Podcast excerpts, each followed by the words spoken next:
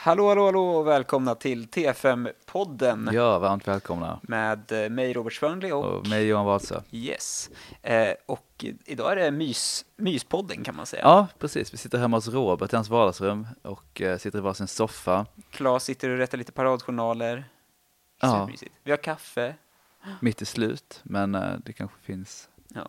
Eh, nu Ja, nu Ja. kommer det fram här att du tycker att jag är en dålig värd. nej, nej, det är jag som är girig vad gäller kaffe. Vi kan, Eh, vi kan göra mer kaffe. Ja, ja men det, det tänker jag mig. Men det går ingen nöd på mig. Ja. Eh, yes, Dagens, dagens avsnitt ska handla om synkope. precis. Eller svimning i I folkmun. Ja, precis. Svimning. Så. Eh, Och precis. Det är ju en, eh, det är en, en ganska eh, vanlig eh, orsak till att man söker akut. Eh, Exakt. En till två procent av alla akuta besök Mm. eh, är eh, synkope. Mm. Så det är, eh, det är rätt vanligt och det kan man ju tänka sig också om, om eh, man är med om att någon eh, svimmar eller att man själv svimmar, att man Mm.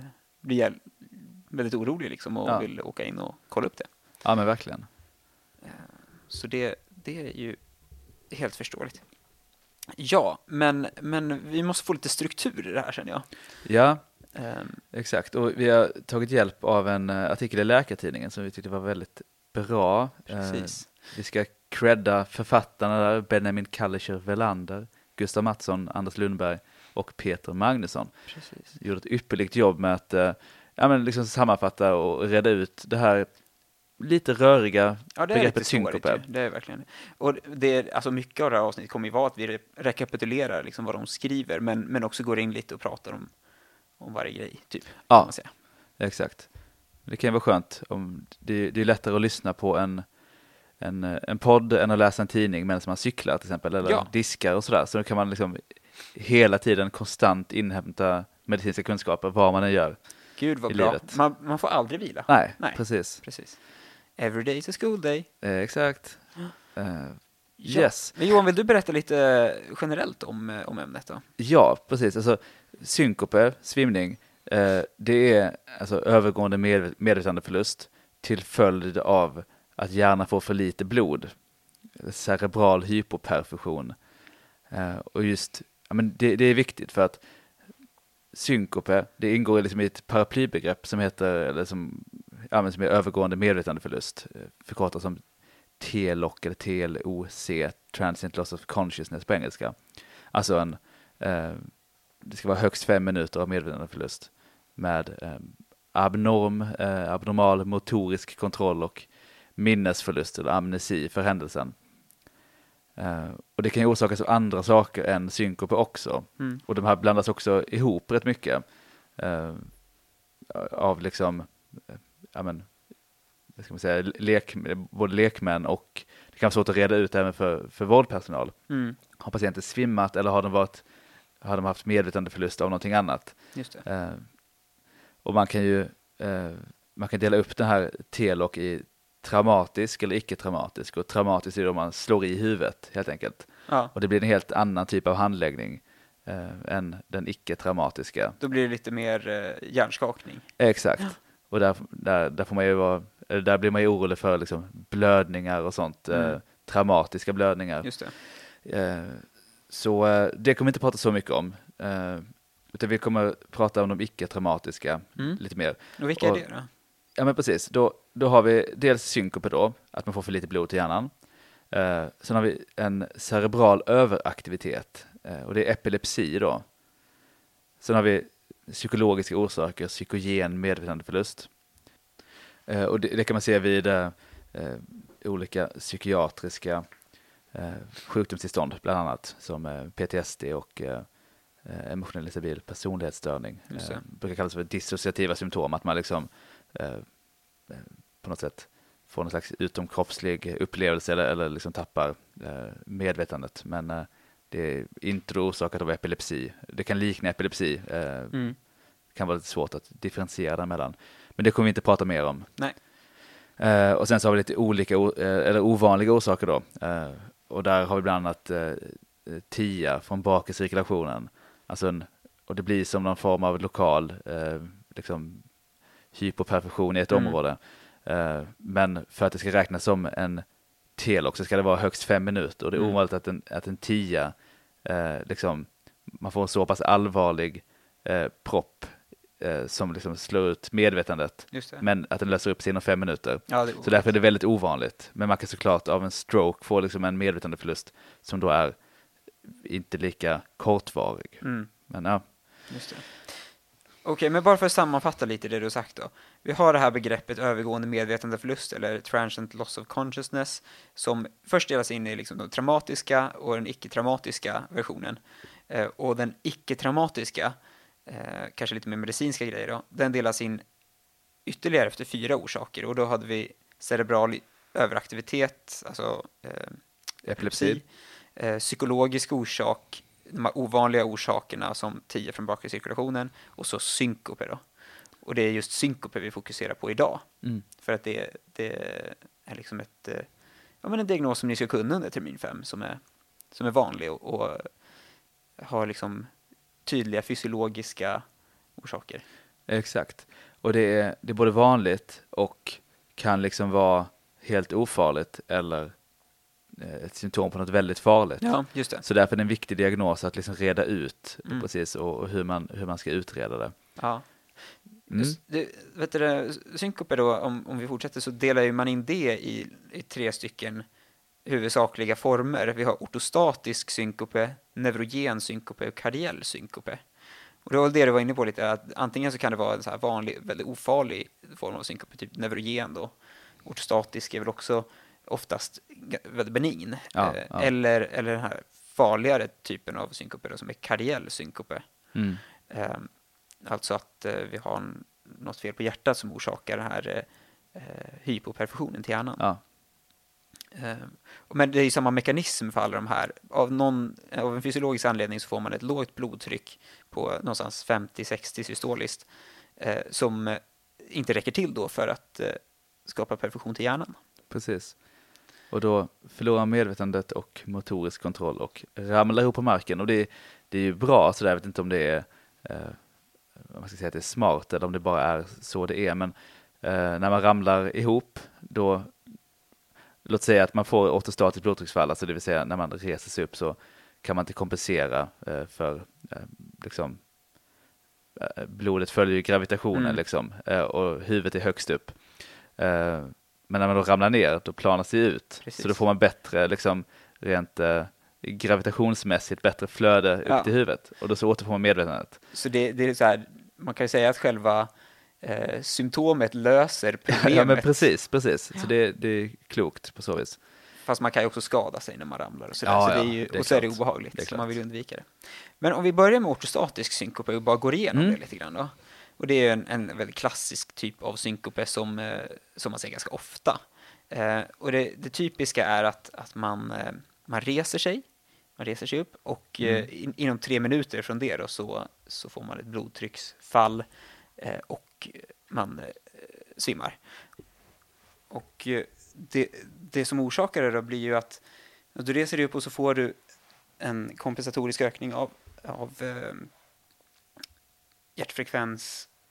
Eh, att du försöker liksom få den här, eh, motverka gravitationens effekt som, eh, eh, som uppstår.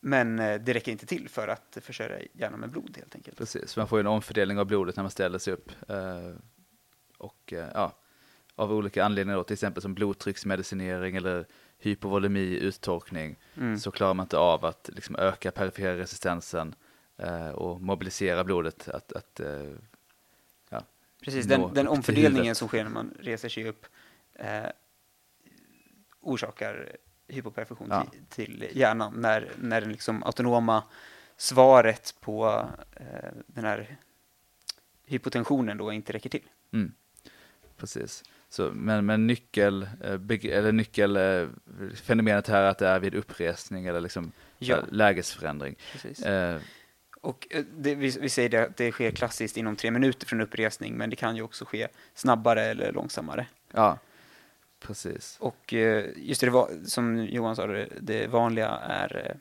blodtrycksmedicinering till exempel, eller att du är dehydrerad. Eh, Men det kan också bero på andra mer systemiska sjukdomar, till exempel diabetes, njursvikt eller sådana inlagringssjukdomar, neurodegenerativa sjukdomar som Parkinson. Mm. Eh, ganska vanligt hos Parkinson-patienter. Exakt. Och eh, där av just Parkinson och lite andra eh, sjukdomar så kan man få en annan variant av liksom, ortostatisk hypotension. Man kallar det för postural hypotension, vilket innebär att man inte får det här eh, pulsstegringen. Så man, alltså, vid ortostatisk hypotension får man blodtrycksfall med pulsstegring. Vid postural hypotension där får man ingen pulsstegring, bara blodtrycksfall. bara blodtrycksfall. Just det. Precis. Ehm, och vi, ja, just det, det, kan, det är viktigt hur, eh, hur mycket blodtrycksfall man ska ha för att det ska liksom räknas. Ja, Eh, och det är 20 mm kvicksilver systoliskt eller 10 mm diastoliskt. Eller att det sjunker under 90 eh, Systoliskt. systoliskt precis. inom, inom tre minuter. Och då räknas, då räknas det som, eh, som eh, ett positivt test om Ja. man testar. Exakt. Vi kommer in lite på det senare också, Ja. under utredning. Eh, just det, innan man eh, svimmar så kan man ju få det som man kallar för prodromal symptom. Mm. Eh, och det kan till exempel vara att man känner sig kallsvettig, att det susar i öronen, det, det svartnar framför ögonen och det, blir, det är också liksom en, ett tecken på hypoperfusion då till retina till exempel, Mm. eh, som gör att man får de här eh, prodromala symptomen. Precis. Så det, det är typiskt för, för ortostatism bland annat. Man får eh, den typen av förkänningar. Eh, Mm. Efter att man har svimmat så faller man ihop och sen så kommer blodet tillbaka till hjärnan och sen så vaknar man ju till då. Oftast Exakt. inom ganska kort tid, under tre minuter brukar det vara den här Mm. synkopen. Mm. Eh, och eh, efteråt så brukar man vara helt okej pigg ändå, man brukar kvickna till rätt så Mm. snabbt. Det, man har ingen sån eftervarande trötthet egentligen. Nej, vi kommer in på det sen, eh, men det är, rätt, det är väldigt vanligt vid epilepsi att man, att man är väldigt eh, liksom sänkt och trött efter ett anfall. Mm. Eh, yes, men nästa variant då av synkop är den neurogena. Och det kan man säga är lite som eh, liksom motsatsen till ortostatisk synkope. För eh, alltså vid ortostatisk synkope där har man ett otillräckligt sympatikuspåslag som liksom eh, ska agera eh, eller dra ihop kärlen och steg, stegra pulsen och sådär när man eh, ställer sig upp. Men vid neurogen synkope där har man liksom en obalans i sympatiska och parasympatiska eh, systemen och där man får en, en övervikt av det parasympatiska vilket eh, liksom kan ge bradykardi, sänka, sänka blodtrycket, eh, Mm. ge vasodilatation och sådär. Ehm, precis, och bara för att repetera lite så här neuroanatomi och sånt. eh, I hjärnstammen så har man en struktur som heter Nucleus tractus solitari, NTS. Eh, som den aktiveras, då så hämmas eh, kronotropin, alltså eh, hjärtats eh, frekvens, eh, via, via vagusnerven då. Eh, och eh, man får också en, eh, en, en hämning av eh, eh, eh, sympatiska gränssträngen eh, som, Mm. som det ger en, en negativ inotropi, eh, sänkt eh, liksom, kontraktionskraft, Kraft. precis. Eh, jag gjorde en sån här handrörelse som Robert tolkade. Ja, eh, och även då en vasodilatation. Eh, och för att göra det här lite lurigt så kan man dela upp neurogen synkope i tre olika eh, sorter. Ja, det är mycket indelningar här. Ja, precis. Semantik. Och, men de här tre indelningarna är vasovagal synkope, situationsutlöst synkope och sinus caroticus syndrom. Den vasovagala synkopen, det hör man ju nästan på namnet, att vaso det är kärl och vagal något med vagus liksom. Mm. Ehm, och det kan utlösas av emotionella eh, faktorer liksom, eller faktiskt av ortostatism, vilket gör det Precis. väldigt rörigt här. Men, men då om man får en ortostatiskt utlöst vasovagal synkope så kommer det efter en lång tids stående. Eh, och där blir det som en, liksom en, en obalans i, i parasympatiska och sympatiska reflexer efter en längre tid. Inte efter tre minuter eh, som vid ortostatisk Mm. synkope. Eh, situationsutlöst synkope, det är vid speciella fysiologiska situationer. Till exempel eh, defekation, alltså ja, att man bajsar, eh, sväljer, nyser, kissar, saker som liksom ökar buktrycket eh, ofta. Mm. Och eh, då får man liksom som en, ja, en reflektorisk, eh, ett parasympatikuspåslag. Just det. Mm. Och sen så har vi sist då sinus caroticus syndrom. Eh, och det blir, det, det blir rätt mycket repetitioner av fysiologi och sånt här, men det, Mm. det är bra. Eh, ni känner till att eh, sinus caroticus, eh, där, där har man eh, baroreceptorer, alltså tryckreceptorer. Och eh, vid det här syndromet så, har, så är de överkänsliga.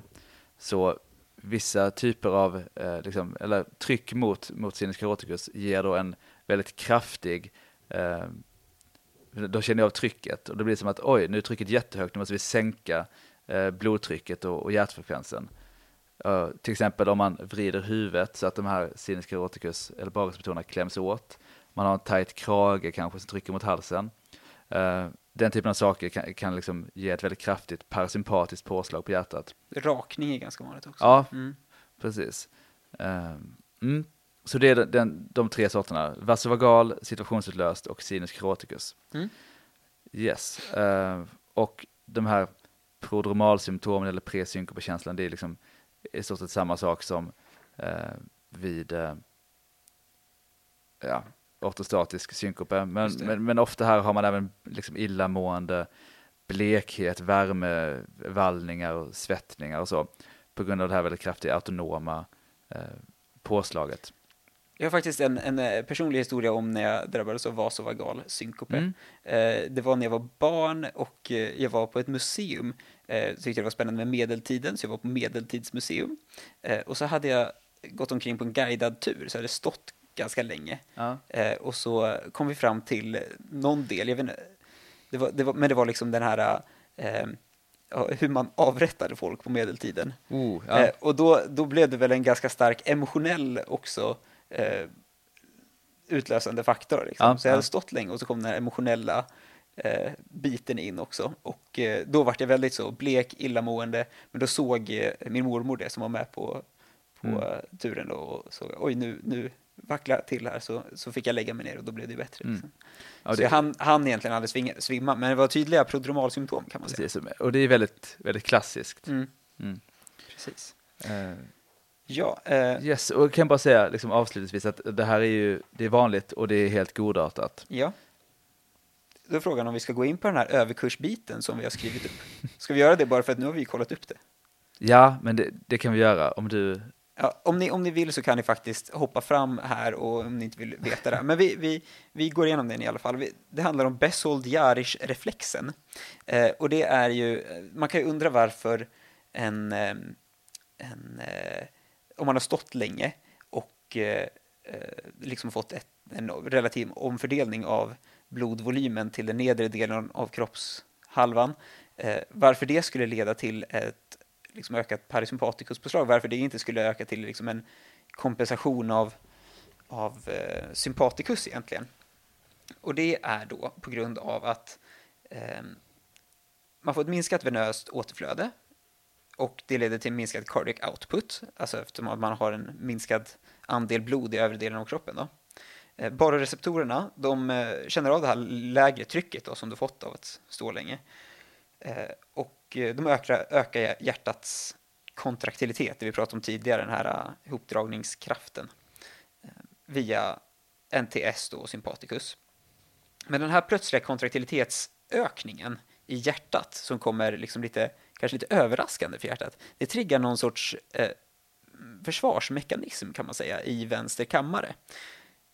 Och den kallas för Besold-Jarisch-reflexen. Och via en annan liksom nervstimulering då så, så minskar den sympatikusaktiviteten på perif perifera kärl och orsakar vasodilatation. Och eh, liksom minskar den totala perifera resistensen eh, för, att, eh, för att skydda myokardiet egentligen. Mm. Precis, och ger även en parasympatisk eh, liksom, stimulering av, av hjärtat Ja, och, och sänker frekvensen. precis. Och man kan tänka lite så här att, eh, det- ja, men, eh, nu, nu pratar vi om det här med vid ortostat, eller liksom man har stått upp lång tid för att omfördela blodet, men även det här varför man svimmar när man blir rädd. Mm. Eh, man, när man blir rädd då får man rimligtvis ett väldigt kraftigt sympatikuspåslag. Ja, Eh, och då borde man inte liksom bli bradikard och hypoton. nej, Eh, tvärtom. Men om det liksom sker väldigt plötsligt, då blir det som en, en eh, ja, men som sagt, det blir överraskande. Plötsligt så känner hjärtat, oj, nu börjar det pumpa på riktigt Ja. hårt här. och då triggas den här reflexen. liksom, Precis, och liksom går in och, och bromsar ner Ja. jättekraftigt. Ja, Eh, så det är anledningen till varför man ja, men, får det här lite, lite egentligen ointuitiva eh, bradykardin och blodtrycksfallet när man blir rädd. precis. Och det här är i alla fall så som vi förstått det. Eh, Precis. Vill man nörda in sig så kan man säkert göra det. Ja. Och, och, Bezold-Jarisch-reflexen. precis. Så det man kan komma ihåg är helt enkelt försvarsmekanism för myokardiet eh, som triggas vid Mm. plötslig kraftig eh, eh, kontraktilitetsökning i hjärtat. Mm. Precis. Ja, men vi hoppar vidare då. Ja, till- och vi har kvar några lyssnare fortfarande. Ja, precis. Efter att vi har tråkigt ut er med det här. Eh, till kardiell synkope då. Och det här är ju den tredje och farligaste eh, versionen av synkope och Mm. är den som man oftast vill utesluta Precis. på akutmottagningen till exempel. Och det orsakas av arytmi eller strukturell hjärtsjukdom. Vanligtvis är liksom arytmi som är, som är Mm. orsaken och egentligen det som är definitionen också. Men att det kan vara liksom lite sekundärt till en strukturell eh, avvikelse Ja. i hjärtat. Eh, och det kan vara antingen takykardi eller brady, bradykardi. Eller en Ja. tachyarrytmi eller en bradyarytmi ska man säga. Mm, mm. Eh, en tachyarrytmi kan till exempel vara ventrikeltakykardi. Eh, och en, eh, eller så kan det vara en, en, en brady, bradykardi till, form, till följd av kanske AV-block 3 eller något Ja. sånt. Eh, och andra strukturella sjukdomar då som, som kan orsaka det här är ju hjärtinfarkt eller eh, kardiomyopati av olika slag. Tamponad, Mm. eh, säger att du blöder ut i perikardiet på något vis. Eh, klaffsjukdomar. Men, eh, men som sagt, det som eh, man anser vara orsaken till själva svimningen är arytmi. Så det blir liksom en sekundär arytmi till den här strukturella avvikelsen. Mm. Eh, hjärtat kan ju också påverkas av andra sjukdomar som eh, lungemboli och aortodissektion. De här. Eh, och då kan man ju se synkope som en del i symptomatologin vid de sjukdomarna. Ja. Men då blir de liksom till följd av det här mer systemiska allvarliga tillståndet. Då. Mm. Ehm, Man kan säga, lite typiskt för, eh, för eh, kardiell synkope är om det kommer vid ansträngning, alltså under pågående ansträngning. Ja. Och prodromalsymptomen här skiljer sig lite från den vid ortostatisk och neurén synkope i form av att det kanske är palpitationer, alltså det här obehag, eh, obehagskänsla Ja. av eh, och ett snabbt och hårt dunkande hjärta. Ja, man- hjärtklappning, Hjärtklappning, i, ja i, just i folkmun också. Fall- folkmiljö. Ehm, och det, om man har det som prodromalsymptom då, eller om det sker under pågående ansträngning, så talar det ganska starkt för kardiell orsak. Mm. En annan sak som ta, talar starkt för det, det är om man svimmar när man ligger ner. För det blir Mm. väldigt märkligt då om det skulle ske på grund av de här andra sakerna vi har tagit upp tidigare. Alltså ortostatism kan man ju inte få när man ligger ner, eh, så vitt jag vet. Och inte neurogen synkope heller. Möjligtvis att det skulle kunna vara Ja, en neurogen synkope. vasovagal synkope skulle man ju, Om man kunna blir få. riktigt rädd. ja, ja, Ja, jo visst. Eh, Men, eh, men det, talar ganska, det är ganska oroande definitivt. i alla fall om man skulle svimma när man ligger ner. Definitivt. Eh, andra prodromalsymptom kan förekomma vid kardiell synkope också. Men, eh, men skulle man ha en plötslig liksom, knallfall-svimning utan några prodromalsymptom så talar det lite mer för kardiell orsak. Exakt. Ehm, Precis. Så lite riskfaktorer här. Ja, just det. Eh, Det är ju om man har en, en hereditet för plötslig död i, i tidig ålder. Mm. eh, Som då kan tala för att man har någon, någon form av ärftlig hjärtsjukdom till exempel. Eh, Eller då man har en, eh, faktiskt en strukturell eller liksom en kemisk hjärtsjukdom Mm. av något slag i botten. Eh, Eller då om man har ett EKG som visar någon form av arytmi eh, Precis. direkt när man kommer in. Precis. Då är det ju en stark riskfaktor. Men vi kommer tillbaka till, eh, eller vi tar väl det nu kanske? Ja, men nu kommer vi in på den akuta handläggningen. Alltså. Mm. Precis. Ehm, då är det det här med anamnesen då, som man ofta börjar med förstås. Eh, och det kan man ju få från patienten främst. Mm. Men vid synkope så har ju patienten eh, definitionsmässigt också minnesförlust för perioden då den var avsvimmad. Och då är det ju väldigt värdefullt att, ta anamnes från ett vittne också. Precis. som kanske har sett det här. Och eh, ibland kan det vara så att eh, det inte är något vittne med på akutmottagningen, men då kanske patienten kan ge telefonnummer till någon som man kan ringa upp. Alltså det, Mm. Jag har gjort flera gånger i alla fall, att jag har ringt folk som har sett det här, Mm. tagit anamnes från dem. Precis. Eh, men eh, om, om patienten ändå minns det som, som föregick själva avsvimningen, då, då måste man ju vara noga med att få reda på vilka, vilken typ av prodromalsymptom hade patienten Mm. och vilken situation eh, hände det här i. Mm. Alltså var det efter, efter att, eh, en, en hastig uppresning liksom, och sen Mm. så eh, kom de här klassiska ortostatiska eh, prodromalsymptomen eller var det så att föregicks av bröstsmärta då blir det ju en helt annan grej, eller om det var palpitationer. Precis. Och precis för, för synkope, som vi var inne på, det kan ju vara sekundärt till en väldigt allvarlig livshotande sjukdom, Mm. typ som lungemboli med hemodynamisk påverkan, aortadissektion, hjärtinfarkt. Så därför måste man ju först och främst börja den änden. Och utesluta en akut livshotande Precis. sjukdom. Till exempel som eh, vår kollega, jag tror vi har ber- berättat om tidigare, hon som hade rupturerat aortaneurysm. Ja, Eh, där, där var det en patient Ja. som hade svimmat flera gånger. Så det är också bra att veta, så här, senaste tiden, har du, är det här första gången du svimmar eller har du svimmat flera gånger Mm. idag eller de senaste veckorna? Och så här, hur ofta och hur många gånger och sådär. Precis. Eh, och när man, det, det liksom, om man har uteslutit då att det skulle röra sig om en, om en aortadissektion eller aortaruptur eller lungemboli eller något sånt där, om man tänker att men det, det verkar inte som det. Man kan kanske aldrig vara helt 100% säker, men man känner att det här, men det här är nog en annan typ av svimning. Ja. Då eh, kan man ju gå in på att differentiera mellan de här sakerna vi pratade om tidigare. Det är en övergående minnes eller loss of consciousness, telok. ja. Är det synkope eller är det någon annan typ av, av svimning? Har patienten slagit i huvudet innan till exempel? Kan det vara en hjärnskakning? Mm. Då blir det mer en traumatisk. Och sen så, men om det inte är, är så så kan man ju kanske Ja. gå in mer på att det skulle vara synkope då. Precis. Men eh, ja, det här med epilepsi Ja, är ju en, en, en viktig differentialdiagnos. precis. Eh, ska vi ta det?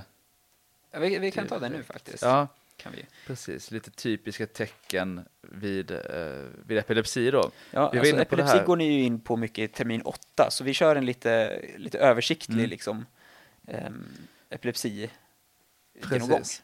Precis. Så eh, typiskt här är ju, eh, alltså dels kan- man kan ha andra typer av prodromalsymptom. Ja, Eh, och eh, det kan vara alltså egentligen märkliga typ sinnesintryck och, och liksom ja, precis. eh, lite så här, som ger lite misstankar om, om neuro, nervpåverkan, alltså neurogen orsak. Ja, Ehm, känna konstiga lukter och, Ja. och liksom höra saker och, eh, och även ja, men såklart muskelryckningar och så här. mm, Och utan att gå in på det för mycket så kan man ju ha liksom primär generaliserade anfall där man direkt får medvetandeförlust och, och, och kramper. Men det kan också börja fokalt. Att det börjar med en kramp, man förlorar inte medvetandet utan man får eh, myoklonier, alltså ryckningar.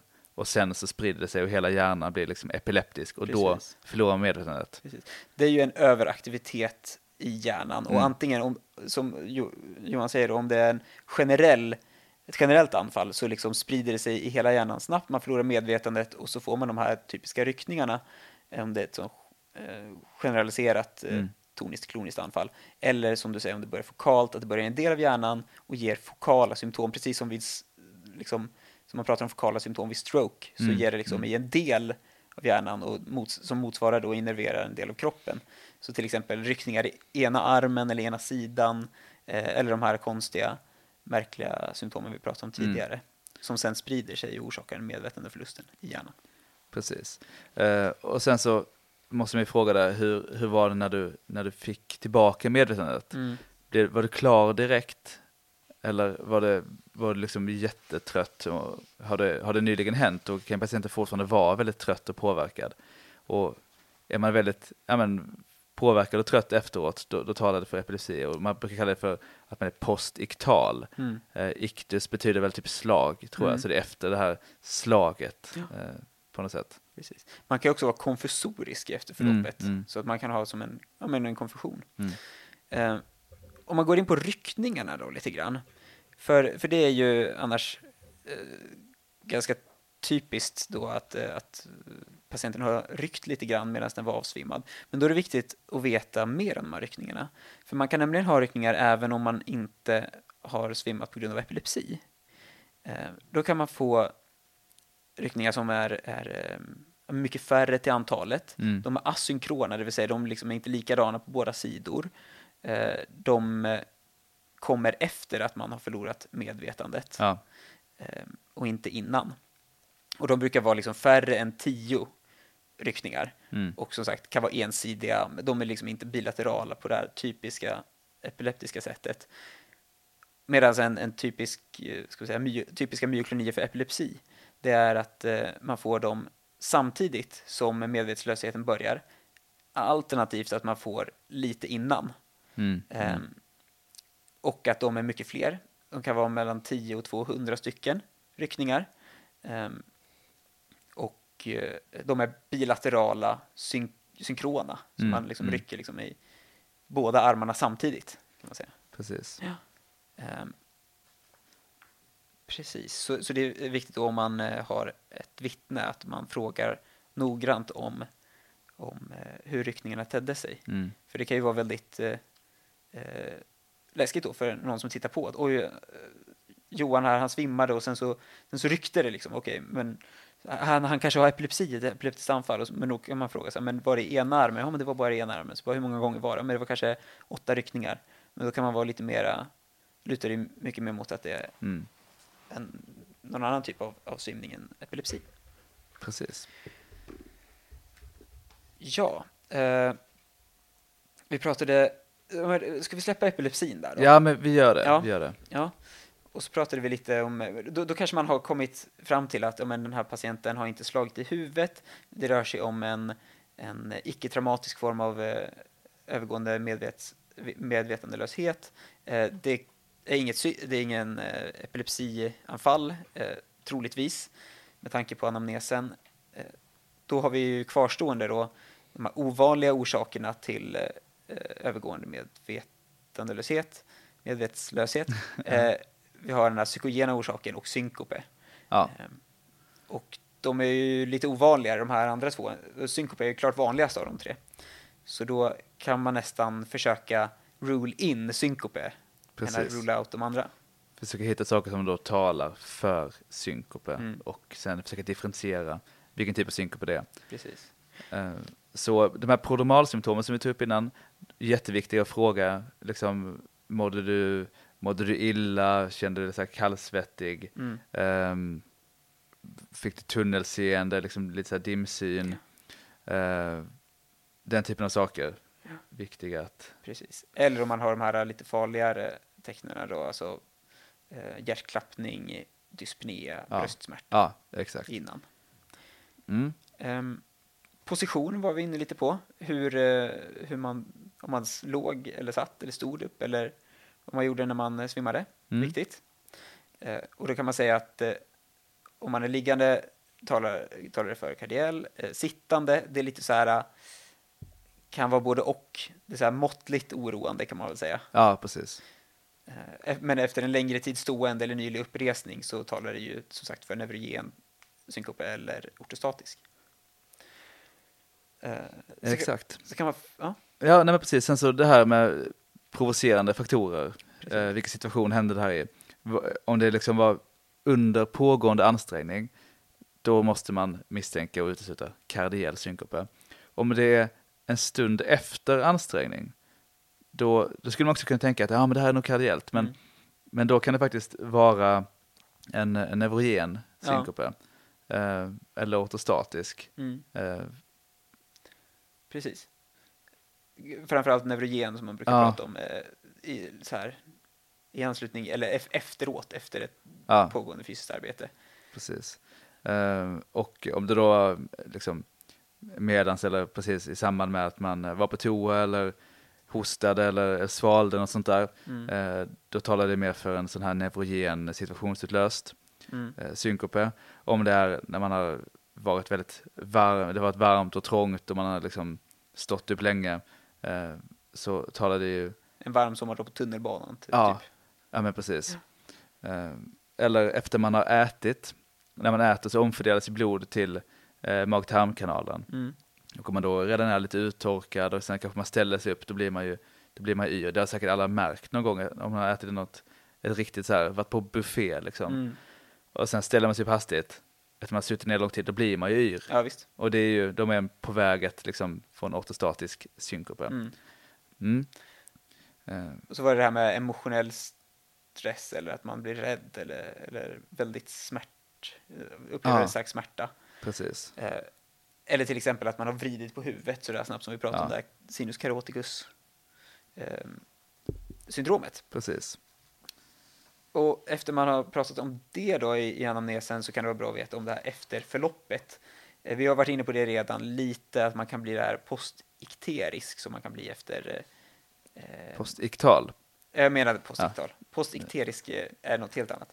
Postiktal, eh, som man kan bli efter eh, epileps, epileptiska anfall. Mm. Precis, och där kan ju hålla i sig alltså, lång tid, Mm. timmar. Mm. Eh, brukar ju gradvis avta liksom. Eh, men vid synkope blir man snabbt återställd. Eh, och viktigt här att liksom ja, men se såklart hur patienten mår nu. Har de liksom dyspné fortfarande och eh, ont i bröstet, då, då får man ju liksom släppa synkope-spåret lite Mm. och kanske mer tänka att det här är något, någon akut farlig Precis. Det är lite mer strukturell kardiell orsak. Ja, Kanske. jag menar exakt. Eh, och sen eh, en sak som man, som man brukar fråga just när det gäller epilepsi är om man eh, har haft urin eller avföringsavgång. Liksom, om Just man har kissat eller bajsat på sig helt Just det. enkelt. Och eh, om man har bitit sig i tungan. Just är det. också ett så typiskt tecken på epilepsi. Mm. Eh, och, alltså det, det kan ju förekomma även vid vanlig, alltså vid svimning, vid synkope. Mm. Men, men det, är lite, det ökar ändå risken för att det är en epilepsi. Precis. Yes. Uh, ska vi se vad vi går vidare till då då? Eh, kanske hur man undersöker en patient som kommer in för att ha svimmat. Ja, precis. Lite Eh, status. Exakt, och här är det ju viktigt med liksom, ja men såklart hjärtat. Mm. Lyssna ordentligt. Eh, ser man hör några nytillkomna blåsljud Mm. eh, så att det slår regelbundet. Eh, och, och liksom även bedöma typ, eh, alltså perifera pulsar om de är liksom jättesvaga och patienten har nedsatt hudturgor, är uttorkad. Talar det för att det skulle vara någon ortostatisk synkope till Precis. exempel. Och så blodtrycket är viktigt förstås. Precis. Eh, och det kan man ju ta ja, men, eh, flera gånger. Mm. Precis, så här, här kan man ju ta, alltså det, det tar ju ungefär fem minuter att göra ett ortostatiskt blodtryckstest. precis. Och det, det gör man ju lätt på akuten. Ja. Så det, det är ju jättebra att göra. Och bara för att säga rygger till, då, då gör man ett, när patienten ligger ner, tar man ett blodtryck och så tar man pulsen också. Och sen så när de sätter sig upp och sen när de ställer sig upp och sen efter en minut, tre minuter, fem minuter, sju minuter. Är det så? Ja, precis. Eh, och det, det beror lite på hur lång tid man håller på, men man kan göra upp till, till sju minuter, Ja. eller ännu längre, framförallt om man har en Parkinson-patient som kan få väldigt fördröjd ortostatism. Just det. Och då kan man ju se då om eh, blodtrycket faller och pulsen stiger eh, under den här tiden så, så talar det för eh, ortostatism. Då. Mm. Mm. Exakt. Det var ju vi inne på, om det, om det sjunker mer än 20 mm kvicksilver systoliskt, 10 mm kvicksilver diastoliskt eller under 90 Mm. systoliskt Exakt. så räknas testet så positivt. Då. Mm. Mm. Eh, och sen, eh, det här nämnde vi inte riktigt, men liksom allmäntillståndet, hur ter sig Ja. patienten? Eh, är de helt pigga och alerta, liksom, helt orienterade till var de är, vad som har hänt och så? Talar det för, för en synkope? Är de lite groggy och inte riktigt helt klara på var de är? Då ska man nog tänka, ja, men tänka lite mer epilepsispåret. Just det. Mm. Och så EKG förstås, Ja, superviktigt. jätteviktigt. Och om man har en misstanke, om anamnesen inger misstanke på kardiell synkope, då räcker det inte att ta ett EKG och nöja sig där liksom. Nej, För att, då kan ju liksom den här uh, arytmin uppkomma egentligen.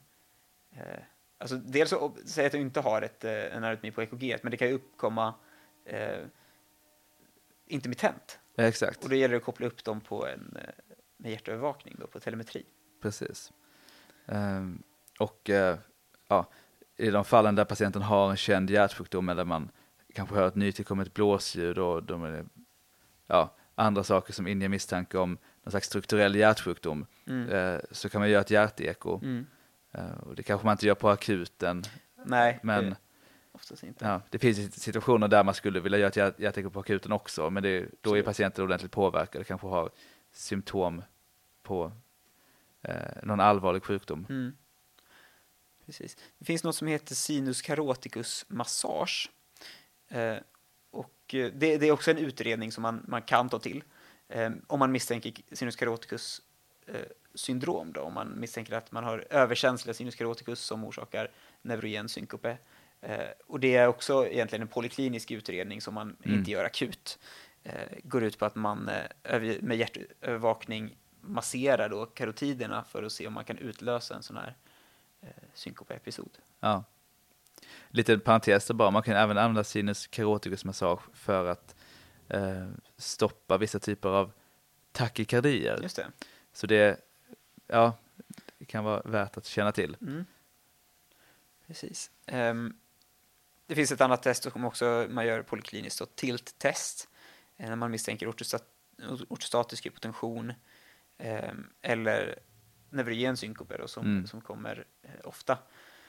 Eh, och då går det helt enkelt ut på att man lägger patienten på en, en tippbräda och så reser man patienten upp så den blir nästan som stående och så tar man kontinuerligt blodtryck, puls och sen efter ett tag kan man testa och ge lite glytrinspray också bara för att provocera fram då en, Mm. ett blodtrycksfall Mm. för att se om, om patienten är känslig för det här med att resa sig upp eller att vara liksom upprest under en längre period. Mm. Patientens blodtryck reagerar på det. Exakt. Eh, förstås viktigt med blodprover för att utreda eventuella akuta orsaker. Eh, DD-mer, troponin, blod och elstatus.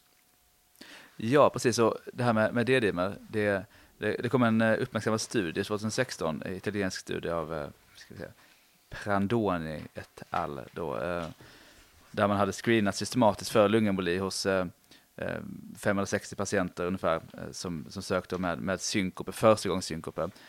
Och man, man utifrån well score, man kunde utesluta rätt många av patienterna, men de, där man inte kunde liksom, med negativ D-dimer utesluta det, så körde man någon form av radiologisk undersökning och, och hittade faktiskt eh, i den totala populationen då eh, lungemboli hos 17 procent av de här patienterna som sökte med eh, synkope som huvudsymptom.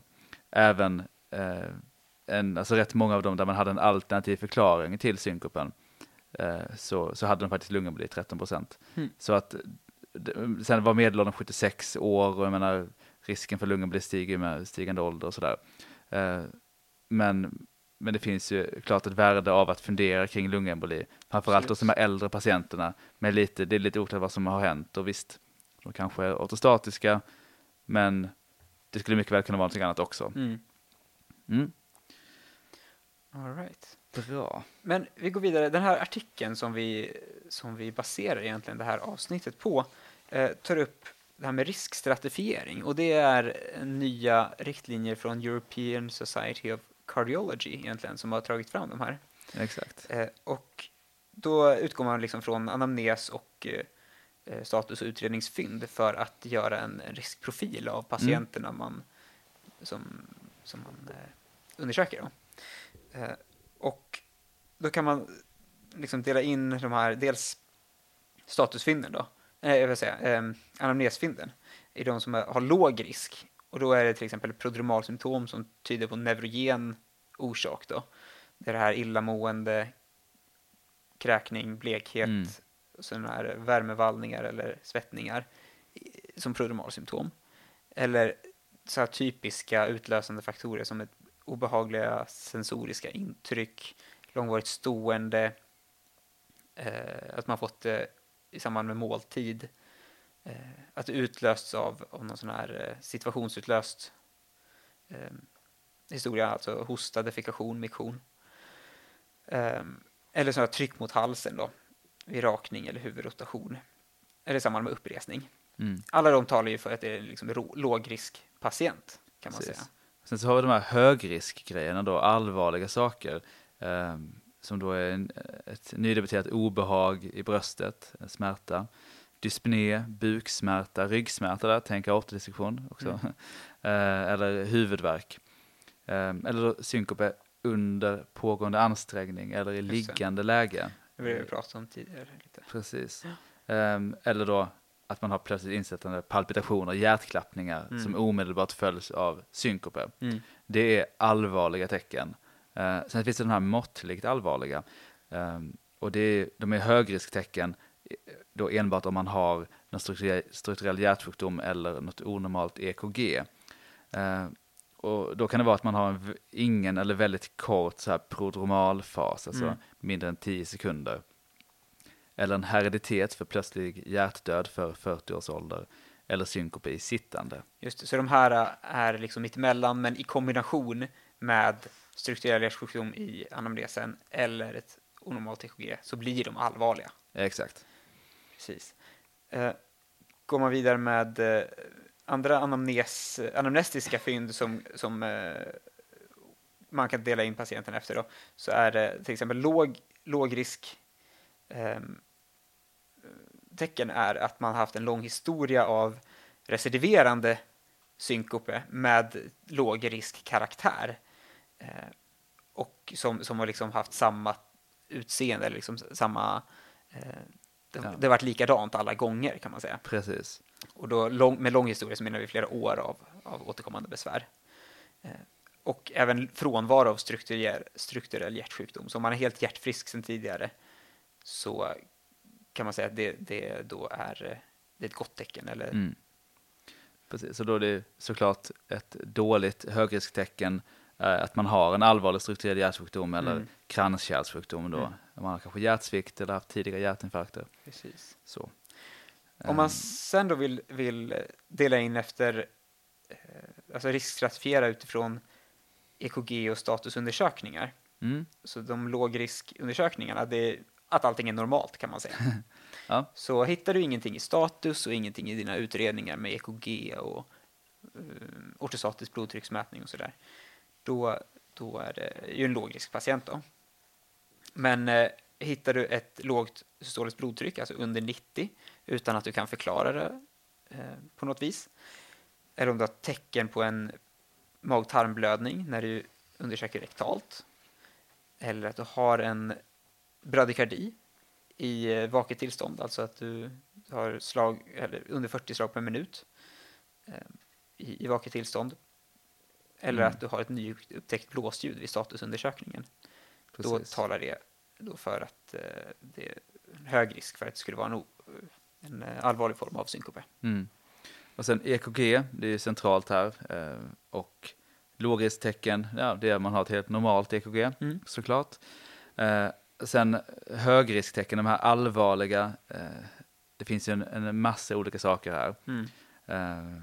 Och kan ta det lite, lite snabbt översiktligt. Mm. Yes, så tecken på akut, eh, ja men på AKS eh, såklart. Höggradig AV-block.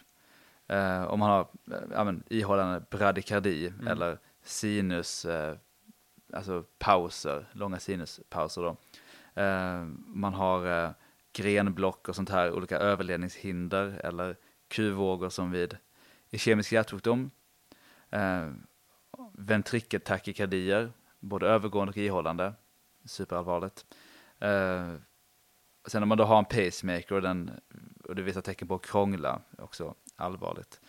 Eh, sen ska man ha så här ST-höjningar eh, av ett visst eh, mönster som heter Brugada-mönster. Det pratade vi om i vår, eh, vårt... eh, Nej, det gjorde vi inte. Det kanske vi inte gjorde. Nej, vi pratade, vi pratade om, vad heter det andra? STS?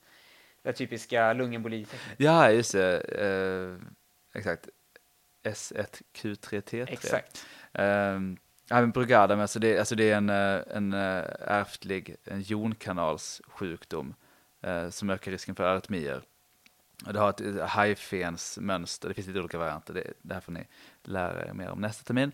Eh, sen eh, då om man har långt QT-syndrom, alltså väldigt lång QT-tid, då ökar också risken för allvarliga arytmier av torsade de pointe typen. Mm.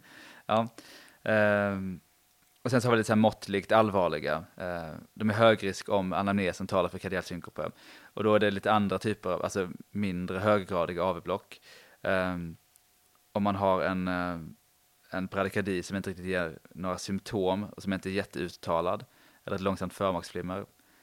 Eh, paroxysmala, alltså övergående superventrikul superventrikulära arytmier, till exempel förmaksflimmer. Eh, preexcitation, eh, man har kort eh, QTC-tid. Eh, man kan ha Brugada-mönster av andra varianter, atypiska. Eh, eller sen, sen negativa T-vågor i vissa avledningar. Som det finns något som heter arytmogen högerkammar kardiomyopati. Det släpper vi direkt. Ja. Alltså det man kan säga är väl så här, har du nytillkomna EKG-förändringar, dra öronen åt dig. Ja, och vissa är allvarligare Ja, än andra. Precis. Bra sammanfattning. Jag kanske Ja. sagt det direkt, skippat listan. Normalt. EKG, låg risk. Nytillkomna EKG-förändringar, all, antingen allvarlig eller måttlig allvarlig Mm. eh, risk. Ja, eh, och efter att man har riskstratifierat, då, alltså de här riskstratifieringarna är ju till för att skilja på allvarliga orsaker till synkope och icke allvarliga orsaker till synkope. De kan Mm. man använda då om man har satt, placerat sin patient i en grupp, alltså antingen har vi en lågriskpatient eller en högriskpatient, så kan man eh, därifrån bestämma hur man ska utreda den här patienten vidare och behandla Mm. patienten. Och det finns en, en fin algoritm för det. Precis. Och det, det blir lite awkward att ta upp den på, i poddformat liksom, och gå igenom den. Eh, men man kan väl säga så att eh, har du bara lågrisktecken så kan du för det mesta gå hem eh, Ja. utan vidare utredning. Exakt, och det är jätteskönt faktiskt att, Ja. att kunna säga, nej men det här, allting eh, talar för att det här är ofarligt. Mm. Ingenting talar för att, det är, för att det är något farligt. Det är lugnt, du kan gå hem. Precis. Och sen skulle det här upprepa sig, komma tillbaka fler gånger, då kan man ju kanske utreda lite mer. Men enstaka synkope eh, som man bedömer som till exempel neurogenet orsakade, eh, en va- vasovagal episod till exempel, det ofarligt och patienten kan gå hem. Och man kan faktiskt utreda det här polikliniskt om det skulle vara eh, upprepade Ja, ofarliga eh, lågrisksynkoper. Men man behöver liksom inte komma in till akuten varje gång och Nej. läggas in. nej. Utan man kan ju lugna patienten då att så, ja, men det här du upplever, om det upplevs på samma sätt nästa gång, du kan vara lugn, det är inte någon farlig typ av synkope, vi kan utreda det polikliniskt och då kan man göra det via vårdcentralen till exempel. Och då kommer man in på de här vi pratade om tidigare, sinus caroticus, massage och tilt-test och så vidare. Ja, och har man varken hög eller lågrisktecken, då, eh, då kan man liksom inte direkt friskriva det, utan man behöver ha patienten på akutmottagningen övervakad med telemetri. Eh, Och på Akademiska har vi också ADA som funkar ganska bra för det här. Det blir som en förlängning Precis. av akutmottagningen Mm. eh, som de kan ligga på i någon halvt dygn, något dygn sådär. Övervakas med telemetri. Precis. Eh, Och, hittar man inget då så kan man ju gå vidare med poliklinisk utredning. Ja, exakt, exakt.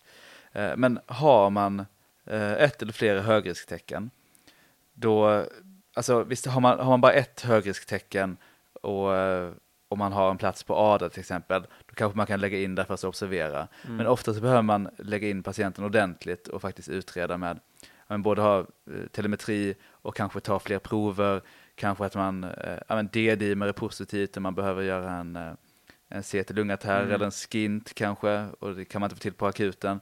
Så då behöver man lägga in patienten. och eh, utreda noggrant. Liksom. Mm. Misstänker man fortsatt att patienten har, har en arytmi då, om man kanske inte första tiden hittar något på, på telemetrin, eh, men, eh, men man misstänker ändå att det var det som orsakade Ja. eh, synkopen som patienten kom in för, då får man bedöma lite grann, okej, tror vi att det här kommer tillbaka snart, den här, alltså arytmin kommer tillbaka snart, då kan man eh, göra ett eh, så kallat Holter-EKG när patienten får gå hemma med ett, en, eh, jag menar, ett hemtelemetri kan man väl säga. Ja. Eh, Och det kan man ha i så upp till tre dygn någonting. Så misstänker man då att patientens arytmi återkommer inom den tiden så, så kan man göra det. Om man tror att det kommer dröja längre inom, eh, in, innan eh, arytmin kommer tillbaks, då kan man få en extern hjärtövervakare som man kan ha upp till, jag tror det är två, tre månader någonting egentligen. Mm. Eh, och det är då en, eh, någonting som mäter din, eh, din eh, hjärtrytm kontinuerligt under en längre tid. Mm. Lite mindre bökigt än ett EKG. Eh, och tror man att det här arytmin kommer tillbaks under en ännu längre tid, alltså efter, mer än en månad, Mm. så kan man ha en intern hjärtövervakare och det är som en pacemaker kan man säga. De kommer ofta tillsammans med en defibrillator så att man liksom övervakar eh, hjärtrytmen och eh, har möjlighet att defibrillera om det skulle uppstå till exempel en ventrikeltakykardi eller ventrikelflimmer. Mm. Där hade du något, eh, något fall Ja, som du faktiskt varit med om? En patient som var inneliggande eh, hade kommit in för synkope då. Eh, det var faktiskt, eh, patienten hade svimmat på toaletten. Så där hade man ju egentligen kunnat tänka sig att det var situationsutlöst. Men av olika anledningar, jag tror det fanns stru- strukturell, strukturell hjärtsjukdom i botten. Mm. Ehm, för patienten hade fått en sån eh, intern hjärtövervakare inopererad med defibrillator. Och eh, inneliggande då så kan man läsa av den här. Och den funkar på så sätt att eh, den mäter kontinuerligt och sen kan den identifiera när en arytmi sker och börja spela in då liksom. Och då kan den spara tiden innan arytmin som ry- rytmremsa och eh, själva arytmin då. Och då kan man få ut det som en, ja, som en ryt, rytmremsa och det fick vi också liksom utskrivet. Mm. Och det var väldigt häftigt för då kunde man se att det var sinusrytm och sen så gick hon in i ventrikeltakykardi eh, och eh, då såg man liksom att det var som tup, tup, tup, och sen var det tut, tut, tut, tut, tut, den här ventrikeltakykardin då. Och sen så hade det defibrillerat, hennes, Mm. hennes defibrillator, interna defibrillator. Eh, och så efter det så var det en kort period av asystoli och sen så eh, återkom eh, eh, sinusrytmen. Ja. ja, men det, det Så det coolt, var väldigt, alltså. väldigt tydligt liksom. Det var som att, som att läsa en Mm. bok.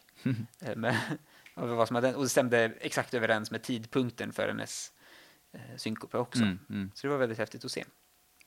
Ja, ja, men eh, spännande. Mm.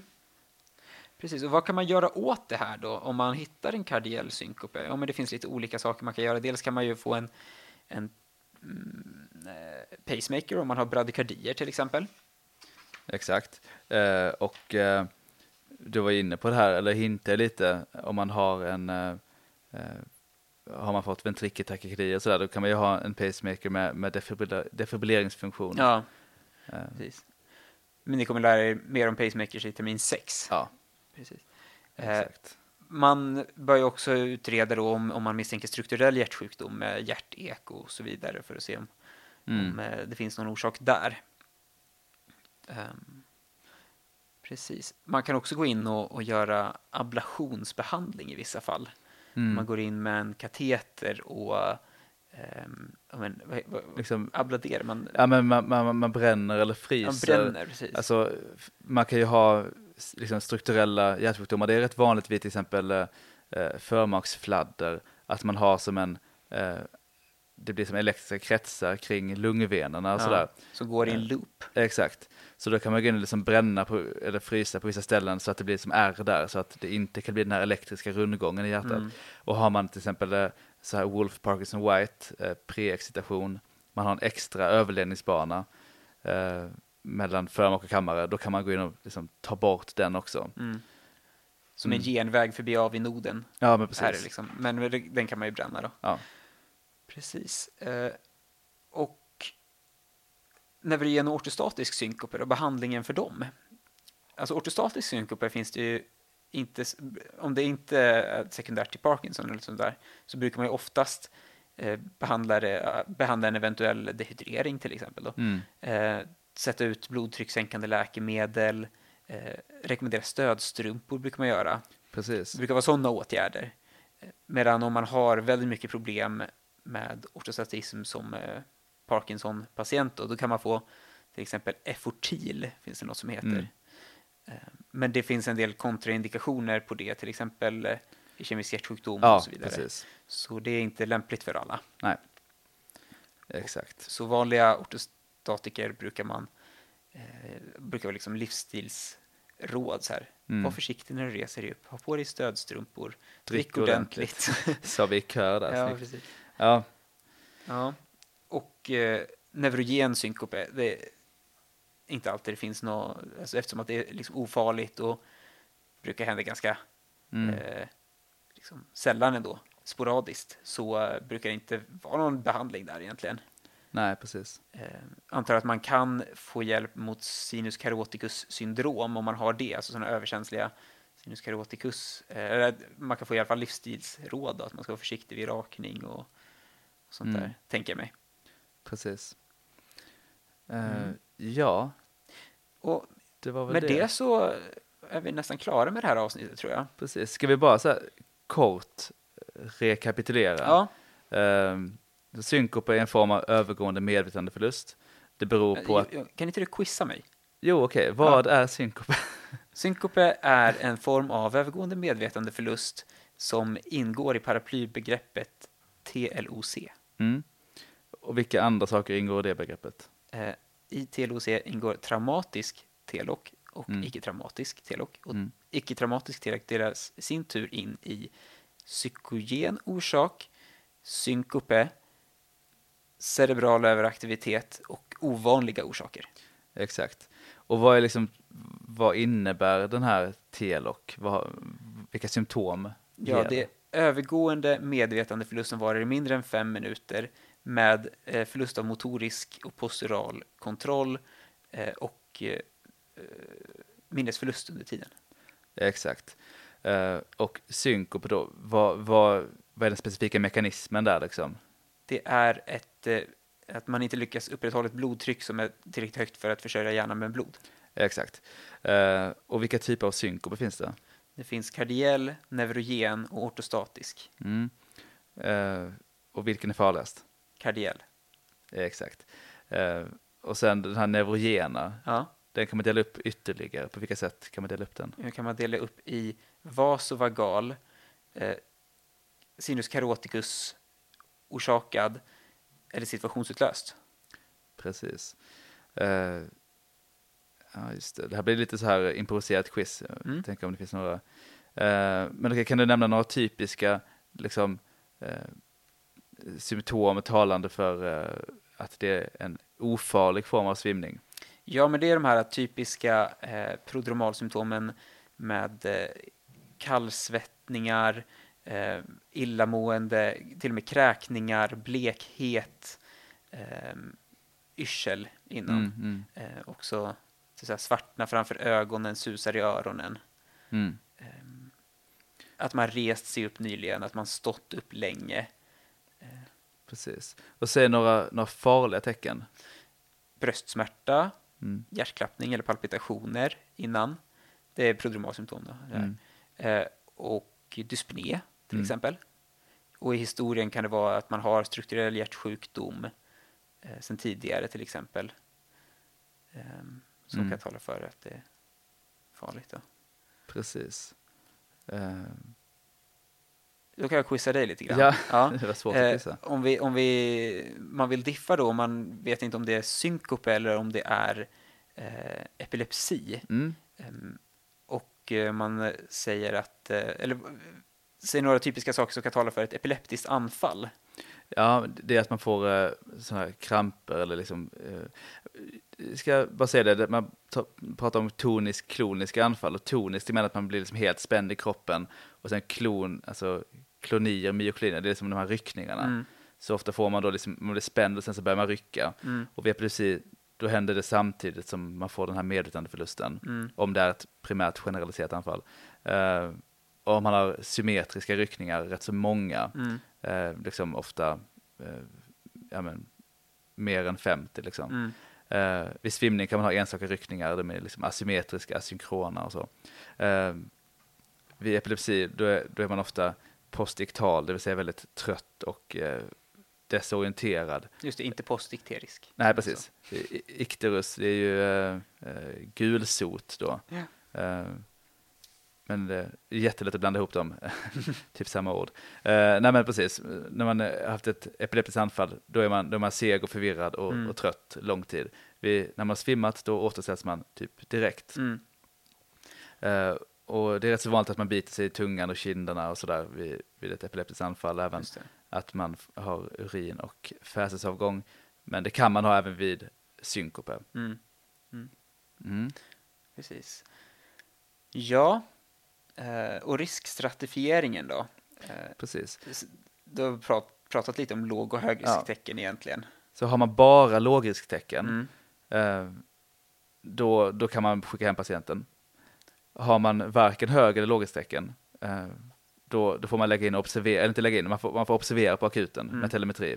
För att se om man inte hittar något akut farligt, någon Mm. liksom, allvarlig arytmi eller någonting.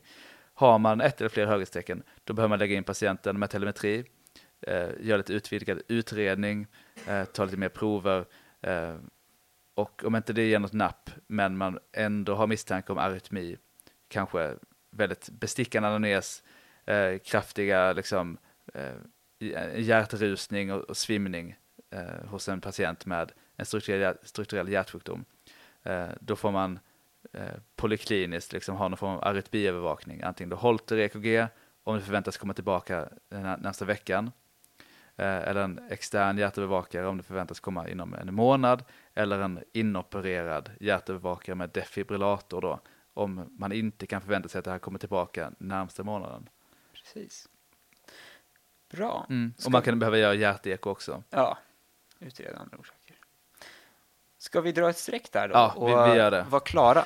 Vi ska säga en sak till, att den här artikeln heter, eh, vad heter den? Den heter... Differential, Ge mig en sekund så Ja. tar jag upp den här. Eh, differentialdiagnostik och handläggning vid synkope och är publicerad i Läkartidningen. Ja du.